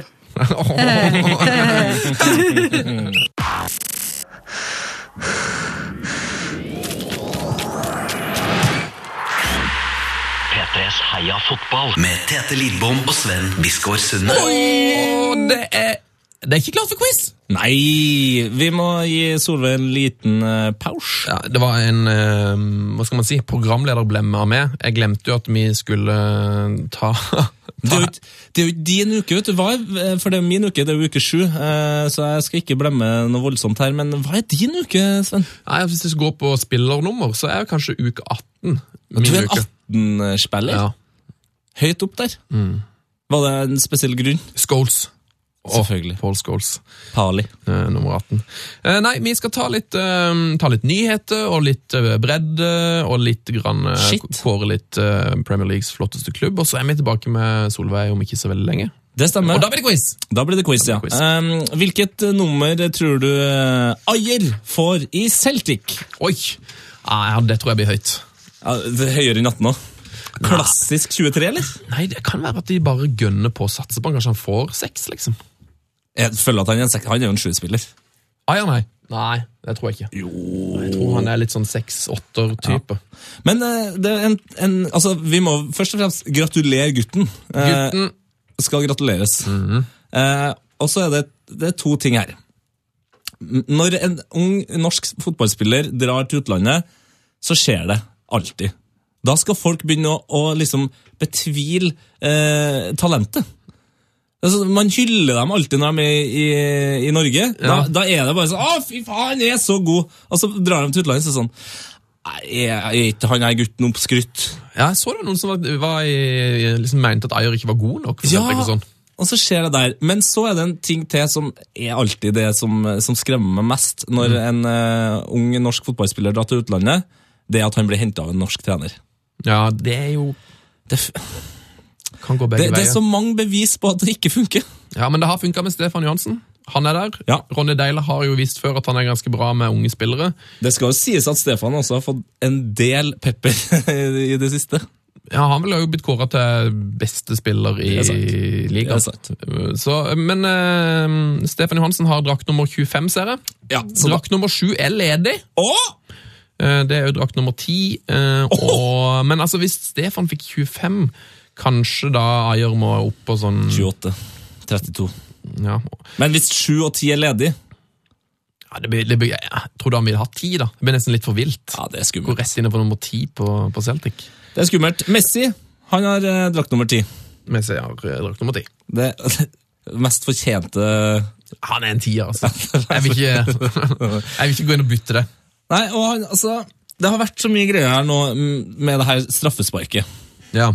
Det her kontroversielle straffesparket. Ja, eller det geniale straffesparket, som mange vil si. Det har jo blitt gjort før, men det er såpass lenge siden at, eh, at det er litt sånn wow, nå, nå skjedde det igjen. For de som ikke har sett det, så er det altså straffespark eh, for eh, Barcelona, og istedenfor å skyte ballen i mål, så sentrer Messi ballen til sida, og der kommer Suárez og putter ballen i mål. Riktig. Og det som er morsomt her, er jo at Messi kunne ha skåret sitt eh, 300. mål i La Liga. Velge å gi inn egentlig til Neymar! Men Neymar var for treigt ut! Så da kom Suárez og tok den isteden.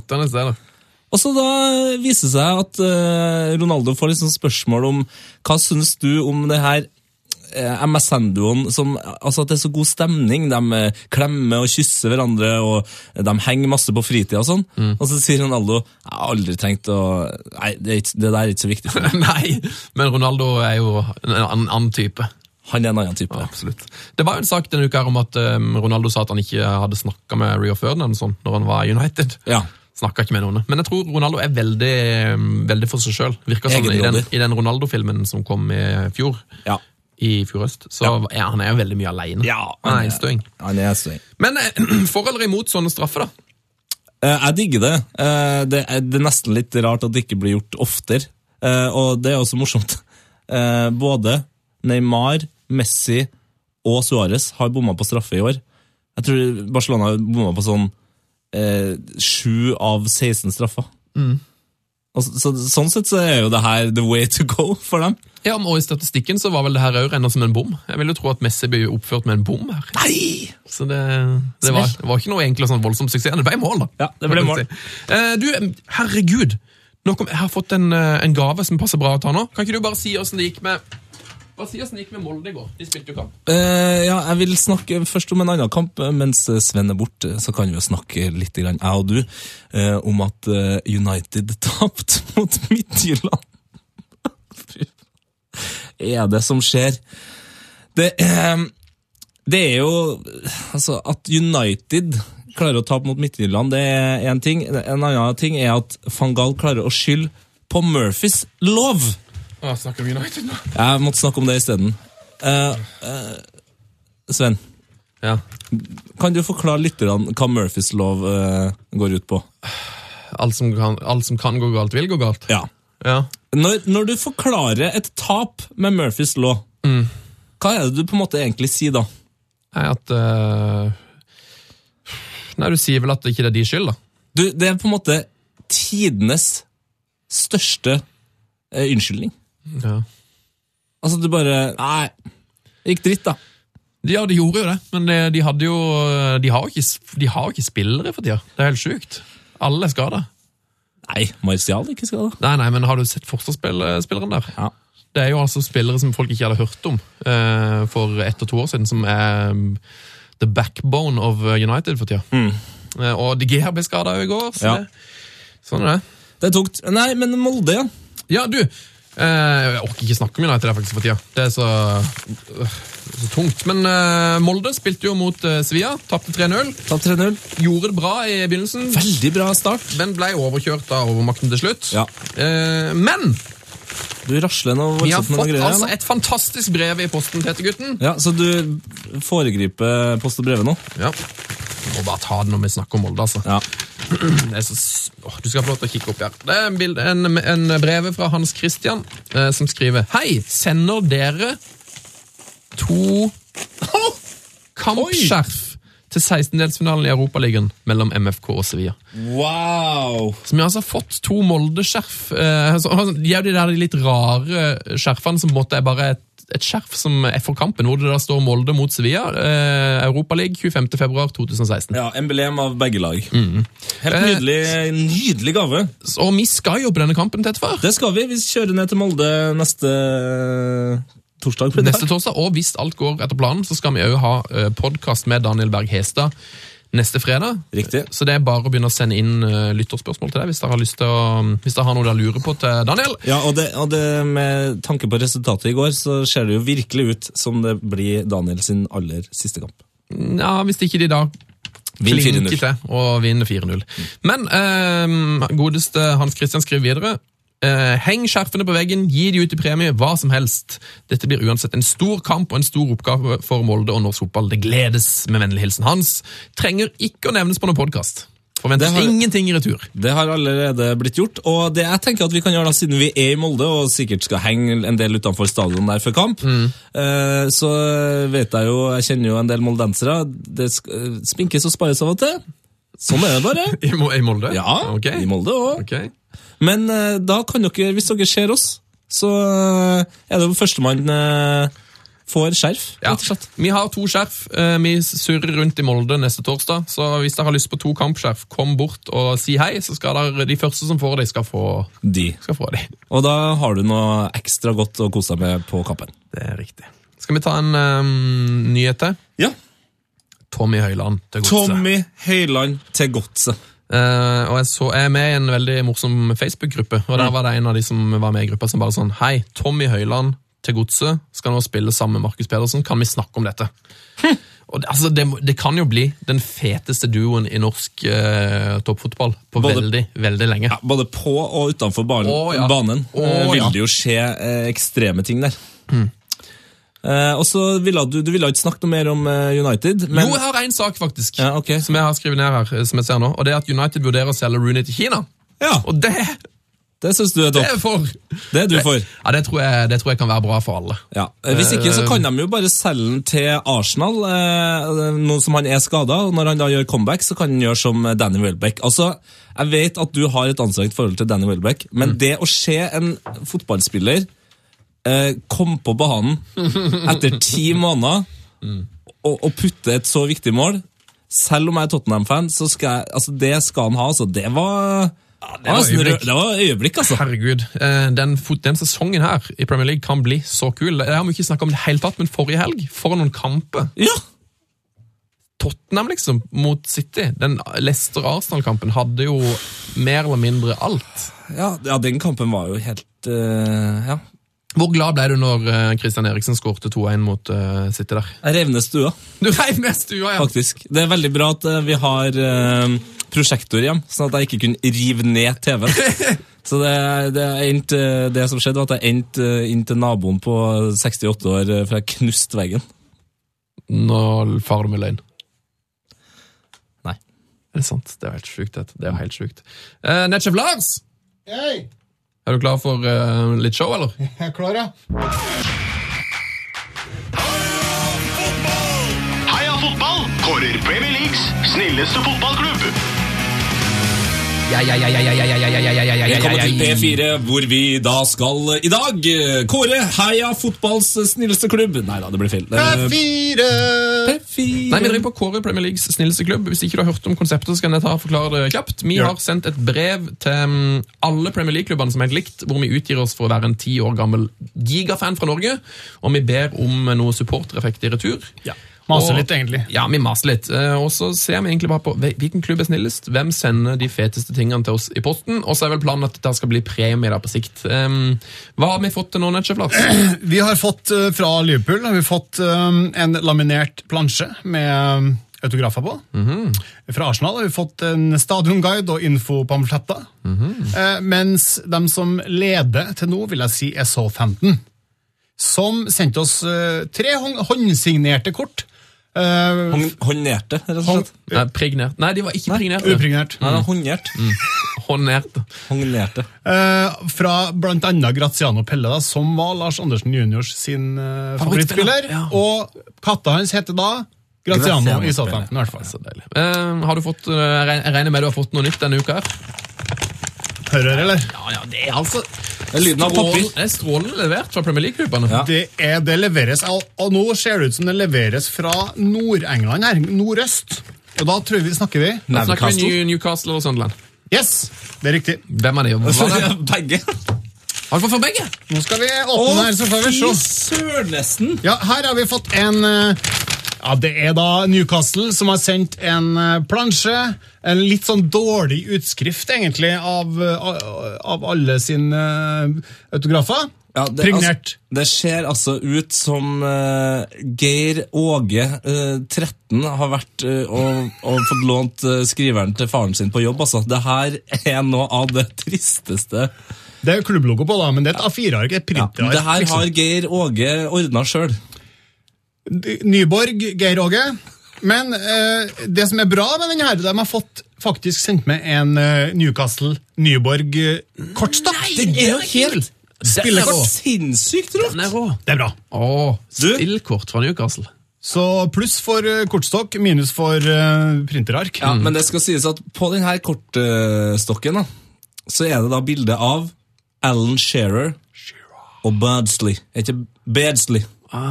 Peter, ja. Peter Ja, Peter Beardsley. Ja, så det er rett og slett kanskje en kortstokk med Men det syns jeg nesten er kulere med gamle Newcastle-legender enn med liksom er kun aktuelle spillere. det Skal vi åpne den så Ja, det her er jo, Nei, vi kan ikke åpne den! Skal ikke vi? Nei, det- jeg vil tenke Det er jo gøyere for hvis vi skal gi den ut i Vi skal jo gi ut all, eh, At den han er i plast. Ja, men er det, er det sånn eBay-laminerer, eller? Altså, Nei, det er sant. de sender jo det her rundt. Så den er jo Vi ikke stemmer, verdt vi stemmer om det. Hvem vil ta plasten, hvem vil ikke? Jeg vil. Jeg vil. Ok, jeg vil ikke. Da, er, da åpner jeg nå for å se på disse spillerne i kortstokken. Ja, for da kan vi kikke om det er faktisk uh... Men hva tenker dere først? Har du Er fått det noe, her har du fått noe mer? Uh, fra Newcastle, nei. nei. nei. men- Det var ikke hilsen, og det var ikke noe personlig i hele tatt. Synes jeg. altså, det var ikke så Jeg har fått bedre ting. Ja, jeg er jo veldig glad i ting, så jeg syns jo det her var kjempebra. Ja, det, den Det er jo en bruksgjenstand. Ja, ja, det, det er bra med kortstokk, altså. Det hadde vært veldig bra om det hadde gått an å åpne. kanskje. Det trekker litt ned. For, for, Det det, det her var jeg litt skeptisk til. At vi ødelegger Nei, men det er personlighet. ja, og så er det tatt åpna av her fotball-TT. Ja. I uke sju. I ukers Ikke minst i Er det noe med uke sju nå? Tete har jo hatt ei grei uke sju nå. Og du, det her er ikke Det er ikke en uh, Det er ikke spillkort! Det er ikke uh, altså, det er ikke S og sånt her. Det her er bare sinnssykt mange eh, sånn- spillerkort. Er det sånn bilkort, liksom? eh, der du har for eksempel Kevin Keegan. 49 mål. 85 kamper. Goal ratio 0,58. Transfer fee. Det er jo mye kulere! Det her er en helt også, Her har du Chris Waddle. Du har eh, Waddle. Ja, sa jeg Waddle? Chris Waddle Waddle. Tror jeg det heter. Les Ferdinand, Alan Shearer, Laurent Robert. Altså, Men er det sånn at jeg kan spille at det er sånn Ok, her jeg har Keegan, han har 49 mål, og så kan du si sånn Aha, men jeg har Scherer, han har 229 mål. Det er vel det som er greia her. Det, det skal vi spille etterpå, Ja, tenker jeg. ja, det er sånn bilkort. Det er jo dritkult. Nei, dette er strålende. Ja. Herregud. Hvor plasserer eh, Newcastle seg i, i topp Jeg har ikke rukket å tenkt på plassering, men jeg, jeg tror de ikke går forbi Southampton. ikke ennå. Eh, Men sånn kanskje midt i? Midt i et sted. Ja. Altså, det her kan jo redde hvilken som helst hyttetur på påska. Jeg mener det er at det er det beste vi har fått. det. Kan man Mener du? Ja, ja, ja. Ja, de, men de spillkortene de tro, trakk veldig opp, altså. Trakk det, men ikke så personlig, da. Du kan gå inn på Facebooken vår og se bilde av det hele. Netchef Lars legger ut uh, bilde av alt vi får tilsendt. Uh, på Facebook heter vi P3 Heia Fotball. Var det alt for i dag, Netchef Lars, eller har du noe for bredden? Vi har nå fra bredden, ja. Okay. Har du en bitte liten jingle, eller? Ok. Ja. Der, ja. Men det var Takk skal du ha. Utrolig lang. Ja. synes jeg. Ta den litt godt, da. Der, ja. Eh, vi har fått en eh, e-post fra Sven Olav Skulbørstad. Hei! Sven Olav Skulbørstad. Han har, eh, sier da heia fotball og keep up the good work.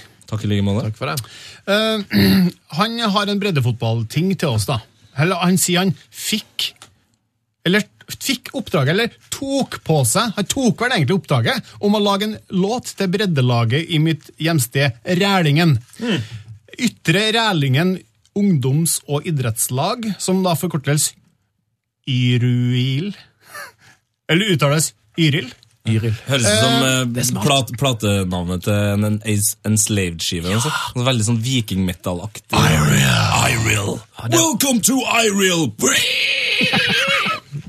Oi, det var lyd. Ja, det var lyd. Pigs, pigspill. Jeg må si, Dette laget har jeg aldri hørt om. Er det noen eh, flere? Har du vært på noen Yril-kamper tidligere, Lars? Nei, jeg har ikke det, men jeg har lest litt om det nå. Jeg skal fortelle litt om det siden. Men han skriver videre at uh, han sender faktisk med den låta her, da. Så om vi kan høre på den, eller hvis det passer, kanskje til og med spille den hvis den faller i smak. Ja, Er det den du har lagt inn her? Han kan ikke love samme kvalitet som jinglen SJFK, men uansett. Eh, vi kan jo ta og spille et uh, refreng. Ja, det er klippet som ligger her på fem? Ja, Å, ja. Hvis vi spiller den her nå, så kan det være at den går virilt. Oi! vakreste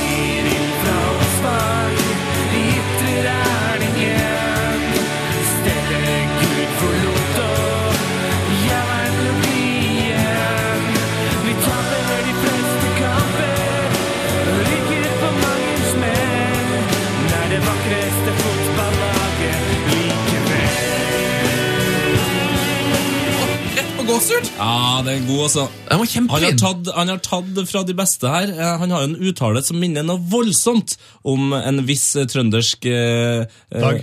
Dag Ingebrigtsen. Altså, jeg er rett på godset fra Drammen, Ja, Ja, ja, ja, ja, ja Drammen! Det var det andre jeg skulle si. Men det er bare at han har den uttalen som er sånn, bare at han snakker østlandsk. Han er faktisk utflydd av stjørdalings, eller halvt trøndersk, så det er kanskje litt derfor. Det der var kjempebra.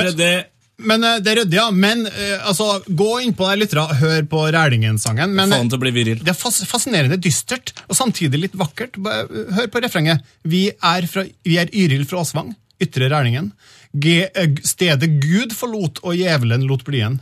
Vi taper de fest, fleste kamper, ryker på mang en smell, men er det vakreste fotballaget likevel. Poesi. Jeg er jo en uh, melodimann. Ja, det Så jeg, jeg, jeg henger meg jo aldri opp i tekster sånn, før jeg har hørt sangen ti ganger. Men melodien er helt opp, men den teksten er mørk. Det er mørk og litt glad på slutten her. Ja, det var vakkert. Du, skal vi, har du mer, eller skal vi avslutte Nei, jeg skal bare ha en liten fun fact om Yril. Eh, om det sier bred, bred, fun fact om breddefotball, så all eh, fun om bredde er jo fun. Eh, Rælingen spiller i fjerdedivisjon fordi de rykka ned dessverre da, i fjor. Et annet lag i omegn, Blaker. Laget med trener Fredrik Blakeren Larsen, kjent Ja! fra Ole Martin Storberget sin sjarmerende serie Magnus. på internett. Riktig. Valgsporten.com, husker ikke? Ja. Ja, ja, ja. Sjekk det ut, ganske søtt og gøy. Eh, jo da, Blaker rykka nemlig opp fra femtedivisjon sist sesong, og skal møte ingen ringere enn Rælingen borte i Rælingsgauet til serieåpning kommende sesong. Strålende. Det er fun. Kan jeg få en, eh, komme med en oppfordring til lytterne på tampen der? Ja. Bredden ruller videre snart. Tips oss om gode breddehistorier på Heia fotball! Betakrøll! NRK, punktum NO!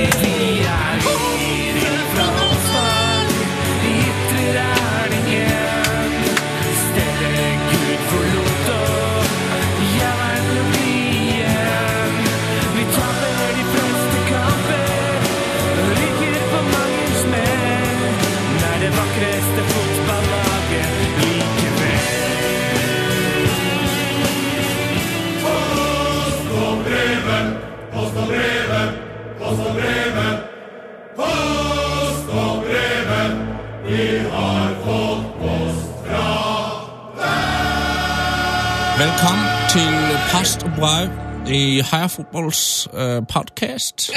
Det er meget hyggelig, at de hører på, og jeg har fått en uh, liten post fra Danmark. Har du det? Ja, Ok. uh, det er mange spill som kan hylles, men Slutt. Slutt. Snakk norsk. Men uh, Nei, ok. Nei, jeg, jeg, kan jeg få starte min egen post? Ja, Har du sendt en post inn fra til Ja. Ok, ok. Det har jeg. Det er et Eh, nytt konsept. Ja, jeg er jo som kjent, eh, annet enn at jeg hører på masse rock og lager rockeprogram, så jeg er veldig glad i dansk hiphop. Her skal du få høre en sang som eh, handler om en mann, eller faktisk to menn som eh, ja, Han ene er god, han andre er kanskje ikke så god. Det, vi, får, vi får se. Jeg har min egen teknikk. Jeg har, jeg har min egen teknikk. Egen profitt. Det er det jeg Zlatan Ibrahimovic. Zlatan Ibrahimovic. Zlatan Ibrahimovic. Robert Abramovic. Zlatan Ibrahimovic. Zlatan Ibrahimovic. Zlatan Ibrahimovic. Robert Abramovic. Yeah, yeah. Boom! Hæ? Dæven. Det er ryddig, da! Jeg liker jo ikke sånn her musikk. eh, Nei, det gjør du tatt. Men refrenget likte jeg. Ja, Enn å ha et uh, refreng som er Altså, det er Zlatan Ibrahimovic, og så en liten Roman Abrahamovic på slutten der. Det er ryddig. Hvem er det som har lagd låta? Det er Sivas. Uh, Sivas? Sivas. Sivas. Er det en, er det en kjent dansk rapper? Han er, uh, han er så svær, han. Uh, han spilte på Bylarm i fjor, faktisk. Fikk terningkast seks av vår venn Ali. Er han Karpe stor? Altså, Ja, han vi snakker liksom Arif Karpe-land. Ja, det, men det er jo, som dere hørte, kanskje litt hardere enn Karpe, men likevel så er det streamingtall, for eksempel. Beyond Karpe. Jøss. Megasvær fyr. Digger Zlatan. Og, og Ibrahimovic, eller? Nei, Ja, eh, og Abramovic. og Ja, helt Jeg er veldig glad i para, vet du. Eh, Abramovic. penger. Eh, para på eh, Ok. gatedansk. Get it dansk. Ja, Gerdansk. Ja, det var min breve. Strålende. Fått et fint brev fra Sondre Menes òg. Oh, eh, og han har kommentert på podkasten vår i iTunes! Yes, det kan du også gjøre. Bare gjør det. Gi oss eh, fem stjerner. Og hvis du, hvis du ikke liker det, så kan du gi oss fem stjerner og si hvorfor du ikke liker det. Ja, det er det beste. Mm. Eh, mange som har kommentert på iTunes i det siste, og det er veldig gøy. Eh, Sondre skriver 'Jeg skal på pub'. Det er greit. Ja. Og så skriver flere fra iTunes. Min Mr. Godse skriver 'Best uten bilde'. Som det er en Leo-referanse eller et eller annet sånt. Ja, det, jeg, jeg tok det jo med en gang personlig her, og tenkte at uh, han i hvert fall ikke vil ha oss noe mer på YouTube eller uh, på, på, på TV. Ja. uh, og så har vi fått en uh, åh, det, her, er så, nesten, Trenger nesten ikke lese opp mailen engang, men vi har bare fått en, et brev fra en sånn utrolig En fyr med så utrolig fett navn. Oh. Vi har fått et brev fra Svein Erik Torstvedt. Det er helt sinnssykt. Altså, vi har fått et brev fra Svein Erik Torstvedt. Det er Han har mest sannsynlig noen veldig fotballinteresserte, men også smarte foreldre som tenkte sånn Vi kan ikke kalle den direkte opp etter eh, Erik Thorsvedt. Men hva om vi bare legger på eh, Bestefaren heter sikkert Svein. Så bare lurer inn en Erik der. Svein Erik Torstvedt. Det er poesi. Eh, tusen takk for brevet, Svein Erik Torstvedt. Eh, han sitt brev har han skrevet. Emanuel Petit. Sendt fra min iPad. Oh! Det er gøy nok for meg. Jeg har fått et eh, helt nydelig brev her fra Emil Almås. Hei, Emil. Hei, Emil! Han har også sendt et brev uten emnefelt. Eh, Vel å merke, eller subject, som det heter på engelsk. Og i brevet så står det 'Min iPhone', sendt fra Adebayo Akinfeva. Det er greit. Det er min, det er min type humor. Det er god humor, Emil. Så har vi fått litt kritikk. Viktig å ta med det òg. Ja. På Facebook stadig flere som bruker Facebooken vår. Det er bra, Vi har blitt litt flinkere til å følge med der òg. Ja. Det er fra Jon Fredrik Klausen, eh, og han skriver dere kan mye om utenlandsk fotball og utrolig mange navn, og sånn, men dere har en liten jobb å gjøre i Norge og Obos-ligaen. ja. Shit. Eh, Alexander Solli, som vi snakka om i forrige ukes podcast med Ole Rolfsrud. Ai, ai, ai. Han var med på eh, strake riste exi til Rolfsrud. Alexander Solli har i flere år hatt ligaens råeste skudd, så at han har gått utenfor radaren, er skuffende. Skjerpings! Beklager, men det er jo derfor eh, dere eh, lytter på. Eh, det er jo for å hjelpe også. Eh, det er jo, vi er jo et kollektiv her, så vi er et team. Team! Team! Kan du bare, Har du flere brev, eller? Jeg har et til her. Fra Marius Seldal, Hei, Marius. eh, som skriver Halla, gutta. Takk for en fantastisk podkast. Takk i like måte. Hørte akkurat på episode 11 med Gunhild Tollnes. Og det her betyr jo at det her er en slags binge. binge-lytter. Ja, ja, ja. Det liker vi. Det syns vi er veldig gøy. Bingelytter. Ja, bingelytter. Ja. Må bare si at Vamos Baby med Ronaldinho er ekstremt fengende. Støtte til Sven der. Takk for det. En annen ting har vært, eh, Det har vært mye snakk om flopper i mange podkaster. Må si dere har glemt Neri Cardozo, som var i Viking. Kom til klubben fra lån fra den eh, paraguanske klubben Rubio New. Eh, Var på én vikingtrening da han fikk treningssjokk. treningssjokk. Deretter reiste han tilbake til Paraguay på ferie. Kom aldri tilbake. Føler han eh, burde bli nevnt. Han var på prøvespill nede i Viking, han. Ja. Neri Hva heter han der? Han, eh, han het Neri Cardoso. Ja. Eh, kritikk for at ikke vi visste om han, selvfølgelig. Eh, det tar vi på vår kappe. Ja. Se, hvis du har kritikk, da, eh, send det til Heia Fotball. Var det betakrøll han kalte det? Mm. Komma nrk.no. Du tar et punktum på slutt? Eller, eller kolon? Eh, ja, kolon, kanskje. Ja, kolon kanskje. kanskje. Eh, Jeg vil også bare til slutt bare nevne at dere kan følge oss på Snapchat, P3 har Fotball etter vi der. Instagram, P3 har Fotball etter vi der. også på Twitter. Så kan P3 dere følge, det. nei, på Twitter kan dere følge med, og der heter jeg Tete Lidbom. du, eh, Vi skal gå videre til en annen spalte, eh, men det er jo en av dine, Tete. Rekker vi noen av de? Har du klart Ja noen? Blir det shit? Ja. Hva, blir det? Hva, hva? Shit. Det er shit! Shit.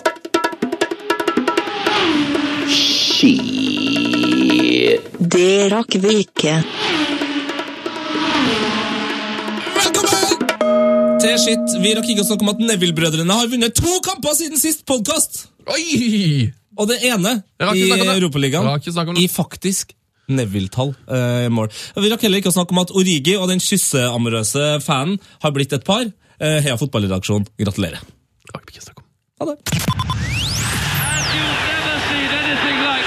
Heia fotball! Ja, ja, ja, ja. Quiz. Begynner å nærme seg slutten av showet, og da er det quiz. Eh, vi var innom på det i stad her. Eh, Solveig, det virka ikke som du var, at du var så veldig glad i quiz, kanskje? Nei, jeg er ikke sånn ikke så veldig glad i quiz. Nei. Nei. Nei, Da skal du slippe å få bry deg så mye med det, men vi kan jo kåre vinneren av forrige ukes quiz. Eh, Vi har en quiz vi kaller for Gjett spilleren eller Gjett fotballprofilen. eller noe sånt. Eh, Vi har redigert et lydklipp, og så skal man tippe hvem det er. Hvem er dette? Han, han så ut som en eh, Han har blitt knocka rett ned. Og var helt eh, Han var jo ikke til stede i det hele tatt. Du så jo det på han. Så det på han. Ja, vi har slåa ned stemmen litt her og gjort den litt ba mer bassete. Eh, Dro du kjensel på stemmen, eller, Solveig? Nei, jeg, jeg, nei, jeg fikk mer sånn assosiasjoner om noe helt annet, liksom. Ja, mot uh, neddoping. Ja. Mer det, følte jeg. Så jeg klarte ikke helt å skille det. Nei. Det er ikke en stemme som veldig veldig mange har hørt, for han kommenterer fotball eh, for eh, Viasat veldig ofte. Han kommenterer Champions League. Det er Vidar Davidsen. Ja, Vidar Davidsen. Det er Vidar Davidsen. Vidar. Davidsen. Er det noen som har klart det, Tete? Eh, Det er faktisk veldig mange eh, som ikke har klart det òg.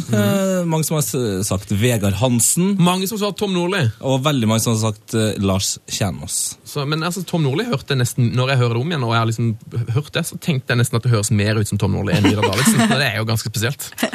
Men eh, en, eh, en mann, eller gutt eh, mest sannsynlig, ved navn Lars Lillebo Tøråsen, han har svart det må være Vidar Davidsen, og det er jo helt riktig. Han har tatt med både adresse og T-skjortestørrelse, og han har funnet ut at vi er tom for large, så han går for Excel. Ja, strålende. Hvis du vil være med i neste ukes quiz, så må du altså sende inn e-post til oss, heiafotballkrøllalfa.nrk.no, og så må du legge med adresse, og så må du òg ønske deg en størrelse som er eh, ikke large, for det er vi tom for. så hvis du er en large, så må du tenke, hm, jeg er litt liten large, ønsk deg en M, litt stor large, ønsk deg en XL. Og nå er det, jeg fant et sånn, jeg var på leiting etter klipp, og så fant jeg ikke, jeg fant egentlig ikke det klippet jeg hadde tenkt, men jeg fant et veldig morsomt et, og så tenkte jeg, det, her blir for, det blir for vanskelig hvis jeg kødder med det, så dere skal bare få høre klippet rett frem. Uh, hvem er dette? Yeah, definitely more. Always, always I said every every every game, every every stay with me here in, in England, it's it's it's more happy than, than I dream. Verdens gladeste mann. Og vi er så veldig, veldig glad av dette klippet. Jeg spiller det en gang til. Vi må høre det.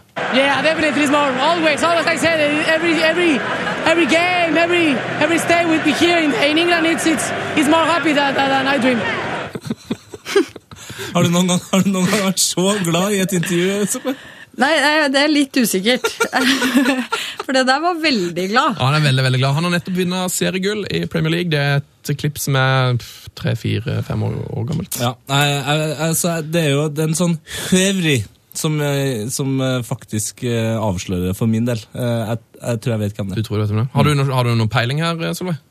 Ja, jeg tror kanskje jeg kunne ha tippa på noe, men nå husker jeg ikke hva han heter. Eh, har du noe eh, Hvilken klubb tror du han spiller for? Tror kanskje han spilte for United. Ah, det er ikke så dumt. Altså. Hvem det er, finner vi ut eh, neste uke. Eh, hvis du vil ha med quizen, så er altså vår e-post heiafotball, krøllalfa, nrk.no.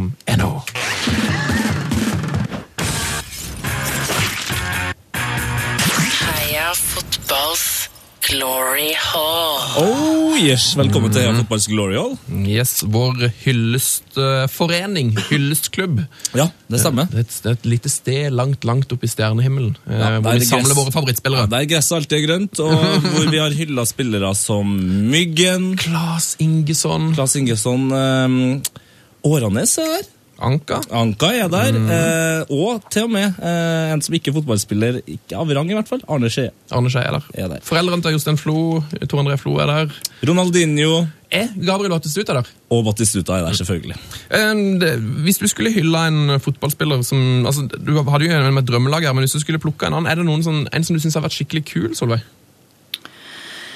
Ja altså for, Som jeg sa, så for meg så er det liksom Zidane overalt. Så eh, det blir vanskelig å plukke noen andre. Ja, Men, altså, du har jo, men du har jo liksom sånn, sånn kul, klin gæren. Altså Gascoigne er jo også innafor der. Ja, absolutt. Ja, det er ingen tvil. I dag, eh, jeg ser du har reist deg opp, Tete. Ja, Det, eh, det er sånn at eh, jeg, jeg er ikke så ofte i eh, en kirke, men det jeg har fått med meg at en prest eh, sitter aldri. Den står. Eh, og, og dagens Glorial, som vi har fått sendt inn fra Torje Syslak, eh, er såpass heavy at det må bare stå, rett og slett. Ok, Da er det på tide for en uh, ny Glory Hall. Du kan bare lene deg tilbake Solveig, og, og høre på hyllesten fra Torje. Dagens helt starta sin fotballkarriere i sitt hjemland Australia. Der spilte du for Sterling Lions SC, før du i en alder av 13 meldte overgang til Macau. Videre i en alder av 15 år signerte du for Westham United, men du rakk ikke å spille så mange kamper for ditt kjære Westham. Ikke for det, du var jo et enormt talent, men trist som det var, ble du sommeren 2011 diagnostisert med testikkelkreft. Men det stoppa ikke deg fra å fortsette med din store lidenskap fotball. De oppdaga videre en svulst i april 2012, da Westham lå helt nederst på tabellen. Og som du uttalte sjøl, ønska du ikke å være til noe bry for en klubb som hadde nok vanskeligheter. Du dro videre til ditt lokale sykehus, der du nå ble fortalt at du ikke hadde en svulst, og at du kunne fortsette med det du elska mest av alt. Da fikk du endelig den, din debut for Westham i en alder av 17 år, og ting så mye lysere ut nå. Du fikk vist deg som den helten og fotballspilleren du var, og etter å ha imponert stort i U17-VM i Mexico, ble du tatt inn for en tilfeldig dopingtest. Og du fikk beskjed om at du enten hadde tatt et ulovlig middel, eller at du hadde en svulst i kroppen. Du visste nok sjøl hvilket av alternativene det var. Dine tre neste år ble utrolig tung. Men selv om cellegift og sykehusbesøk ble en del av din hverdag, var ikke det nok til å stoppe din drøm om å bli en av verdens største fotballspillere. Etter å ha spilt fire kamper på åtte dager for Australias U22-lag under Asiamesterskapet i Oman, fikk du beskjed om å returnere til England. Fordi din tilstand hadde blitt så mye verre. Nå var ikke din tapperhet og heltemot nok. Den 18. april 2014 mista Westham et stort talent og en utrolig flott ung mann. Du rakk aldri å feire din 21-årsdag, men du må vite at Westham oppfordrer alle til å feire din dag med respekt. Kjære Dylan James Tombidis. Du skulle jo spille så mange flere fotballkamper. Men det skulle vise seg at du har spilt din aller siste kamp på denne jord. Men i Heia Fotballs Glory Hall skal du få spille i evig tid sammen med de aller beste, for ingenting klarte å stoppe deg fra å spille fotball. Det var snill, altså. Åh, så vakkert. Dylan Tombidis. Tombidis. Ung gutt. eh, Veldig, veldig lovende. Oh, det var flott. Eh, var ikke det eh, vakkert, uh, Solveig? Jo, det var jo veldig vakkert. Det setter ting litt i perspektiv, da. Gjør det, altså. Det gjør det absolutt. Sier litt hvor mye fotball betyr òg. Ikke sant? Når du, når du spiller fire kamper på åtte dager mens du går under cellegift, da, Ja. da, da, da betyr det noe ekstra mye, altså. Det gjør det. Det nydelig. Eh, Solveig Gulbrandsen, tusen takk for at du var innom oss. Bare hyggelig. Eh, og lykke til med det som kanskje blir din siste sesong Ja. på toppnivå. Hva, hva skal du gjøre nå? Skal du eh, utvikle spillere, eller skal du eh, bli det å skje i TV 2-studio, eller Nei, ja, Det er litt vanskelig å si. Det, det får vi se. Jeg tar det litt som det kommer, jeg, da. så, så nå ble det ikke landslag, så da får vi se. Men nå er jeg i Kolbotn, da, så det blir i hvert fall ut det året. Ja. Og så tar du sikkert et år til. Du Strålende, Solveig. Du må ha eh, god fotballhelg, og takk for at du var innom. Tusen takk. Det var hyggelig. Strålende. Heia fotball! Frank de Boer speelt de bal. Heel goed naar Dennis Bergkamp. Dennis Bergkamp. Dennis Bergkamp neemt de bal aan. Dennis Bergkamp. Dennis Bergkamp. Dennis Bergkamp. Dennis Bergkamp. Dennis Bergkamp. Oh! Frank de Boer speelt de bal naar Dennis Bergkamp. Die neemt de bal feilloos aan. En ik schiet de bal erin. We spelen nog officieel 20 seconden. Dennis Bergkamp. P3s Heia fotball. Episode hver fredag. Last ned din nye favorittpodkast på p3.no podkast. P3.